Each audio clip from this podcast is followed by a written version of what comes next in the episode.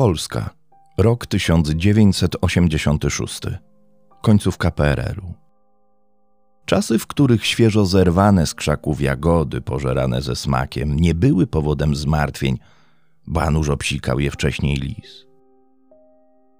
Czasy, w których młodzież spędzała długie godziny ze znajomymi na dworze, grając w kapsle lub bawiąc się w podchody. Wychowanie dzieci w czasach PRL-u różniło się znacznie od tego, jak wygląda ono teraz. Brak telewizji, komputerów i telefonów komórkowych sprawiał, że dzieciaki znacznie skwapliwiej opuszczały swoje domy. Oddawały się wtedy najrozmaitszym zabawom, często od rana do zmierzchu, przerywając sobie tylko szybkim obowiązkowym meldunkiem pod oknem, zakomunikowanym piskliwym okrzykiem, przez który okolicznym seniorkom prawie wypadały papiloty. Mamo, jestem. Przyjdę za godzinę. Rzuć mi coś do picia. Miało to swój urok. Zdecydowanie rodzice wtedy pozwalali dzieciom na znacznie więcej.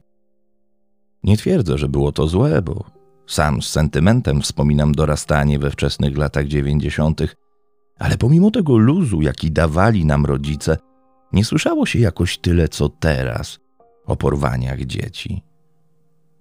A może jestem jednak zbyt młody i mało pamiętam? A może dlatego, że nie było internetu? A sąsiedzi jeszcze wtedy zamiast rywalizować o rozmiar nowej plazmy powieszonej na ścianie, znacznie częściej wybierali opcję spotkania na wspólnych biesiadach, prezentując podejście w stylu dziś u mnie oglądniemy wiadomości dnia, a jutro to ja wpadnę do ciebie, wypijemy piwo, a przy okazji wrzucę kilka rzeczy do frani. Zdecydowanie były to czasy, gdy nie mając nic, miało się zarazem aż tak wiele. Niestety dla pani Danuty Zioło czasy PRL-u do końca jej życia kojarzyły się tylko z ogromnym smutkiem, żalem i światem milionów pytań pozostawionych bez jakiejkolwiek odpowiedzi. Zacznijmy jednak od początku, cofając się do 18 marca 1986 roku. Danuta Zioło mieszkała wtedy wraz ze swoim mężem w brzegu na osiedlu przy ulicy Górnej 1. Około godziny 15, porzuciwszy na chwilę domowe obowiązki, udała się do przedszkola, by odebrać swojego sześcioletniego syna o imieniu Marcin. Dzień nie wyróżniał się niczym wyjątkowym. Młody ochoczo podskakiwał i pełen energii, co już wybiegał kilka metrów w przód, by po chwili odwrócić się i spoglądać na matkę swoimi dużymi brązowymi oczami. Kobieta rutynowo pilnowała, by chłopcu nie stała się krzywda, wypowiadając jak z automatu słowa, które już chyba wgrane są od urodzenia w system każdej młodej mamy. Poczekaj, nie rób tak, uważaj, bo się wywrócisz. W myślach jednak układała sobie już plan ciężkich zakupów, realizowanych za pomocą kartek, jak nabyć dla Marcina nowe buty i co jutro przygotować dla swoich dwóch ukochanych chłopaków na obiad. Jeden z nich w tym czasie spędzał dzień w pracy, chcąc zapewnić żonie i dziecku jak najlepsze warunki. Byli już pod domem, kiedy to najprawdopodobniej pod naporem próśb kierowanych przez sześcioletniego Marcina, pani Danuta pozwoliła mu zostać pod oknami i pobawić się z kolegami na podwórku. Miał zostać dosłownie na chwilę sam. Około godziny 15.30 pani Danuta zawołała Marcina – Wróciło do niej jedynie echo odbite od ciasno zabudowanych budynków. Czym prędzej ubrała się i wybiegła na zewnątrz. Pierwsze co uczyniła, to oglądnęła się wokoło z nadzieją, że za chwilę ujrzy Marcina. Niestety musiała działać dalej. Coraz to bardziej spanikowana kobieta ruszyła w kierunku pobliskiego parku, wykrzykując imię swojego jedynego dziecka. Bieg stawał się sporym ciężarem dla kobiety – która, jak się okazuje, znajdowała się w czwartym miesiącu ciąży. Przerażona Danuta dwukrotnie pokonała trasę, którą przypuszczalnie mógł udać się jej syn. W końcu usłyszała od dzieci bawiących się w okolicy, że Marcinek najprawdopodobniej udał się w kierunku Odry. Pobliski brzeg Odry od domu państwa Zioło dzielił tylko mały park. Gdy kobieta dobiegła na miejsce, jej oczom ukazała się grupa bawiących dzieci – ale nie rozpoznała wśród nich swojego syna.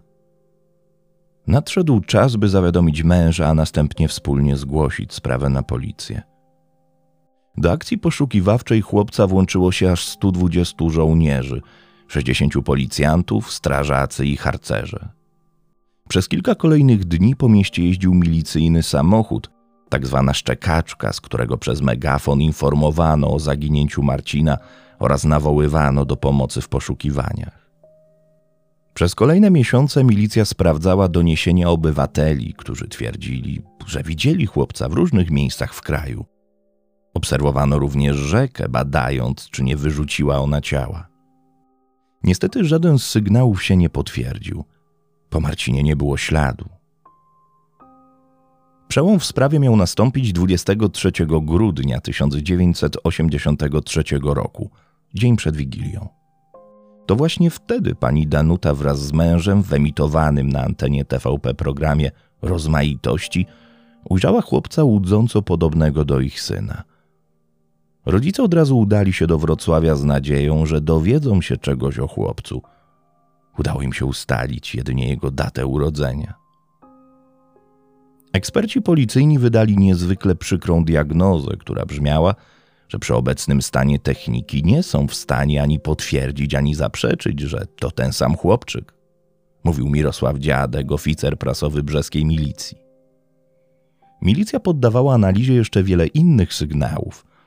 Chodziły pogłoski, że chłopiec miał być w bunkrze, ktoś inny twierdził, że widział, jak był wciągany do taryfy. Ale żaden ze śladów niestety się nie potwierdził. Milicja wzięła pod lupę także 15 mężczyzn, którzy już wcześniej byli karani za czyny lubieżne lub pedofilię. Każdy z nich miał jednak alibi na chwilę związane z zaginięciem chłopca, dodaje Mirosław Dziadek. Niezwykle wstrząsające okazały się być słowa zrozpaczonej pani Danuty, która miesiąc po zaginięciu Marcina niestety poroniła. Naczynia mi pękały, krewlała mi się nosem i ustami – Patrzyłam, jak rówieśnicy Marcina szli do pierwszej klasy, potem do komunii. Dla mnie czas się zatrzymał. Nosiło mnie. Chodziłam nad rzekę, to na most. Nie chciałam żyć. Uratował mnie nasz proboszcz, przemówił mi jakoś do rozumu.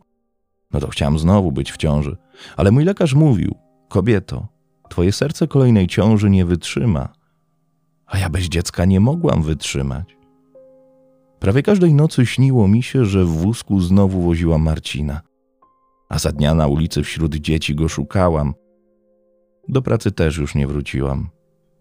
Po tych przeżyciach do niczego się nie nadawałam.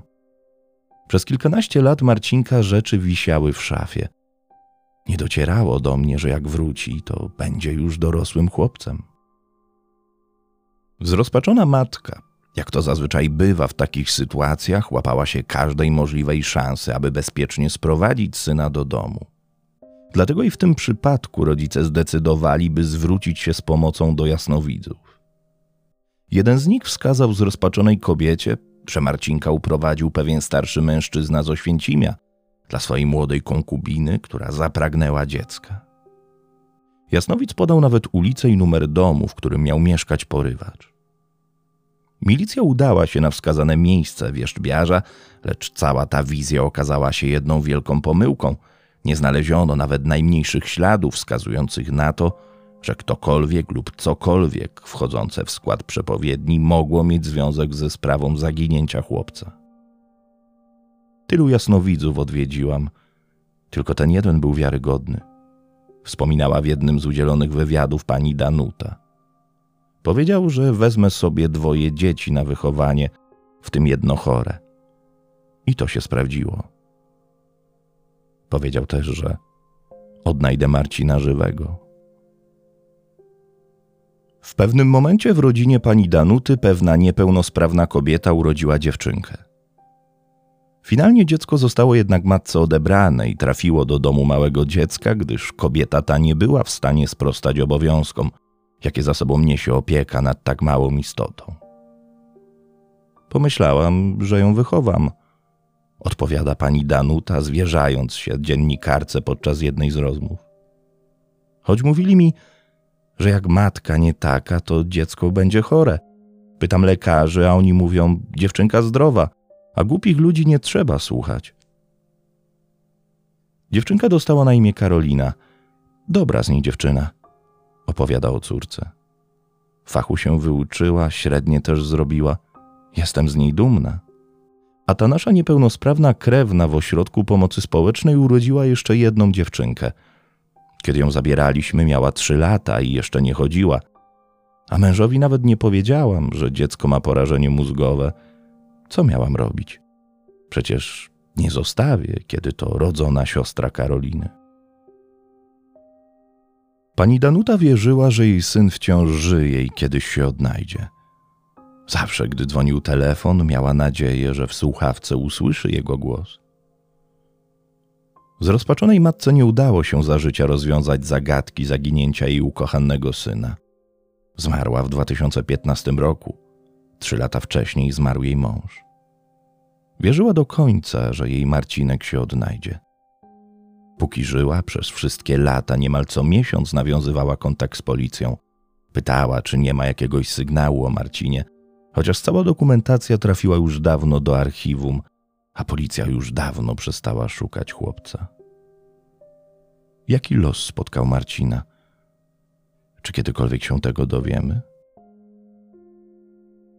To wszystko na dziś, moi drodzy. Pozdrawiam Was gorąco i do usłyszenia w kolejnym odcinku na kanale Strefa Mroku.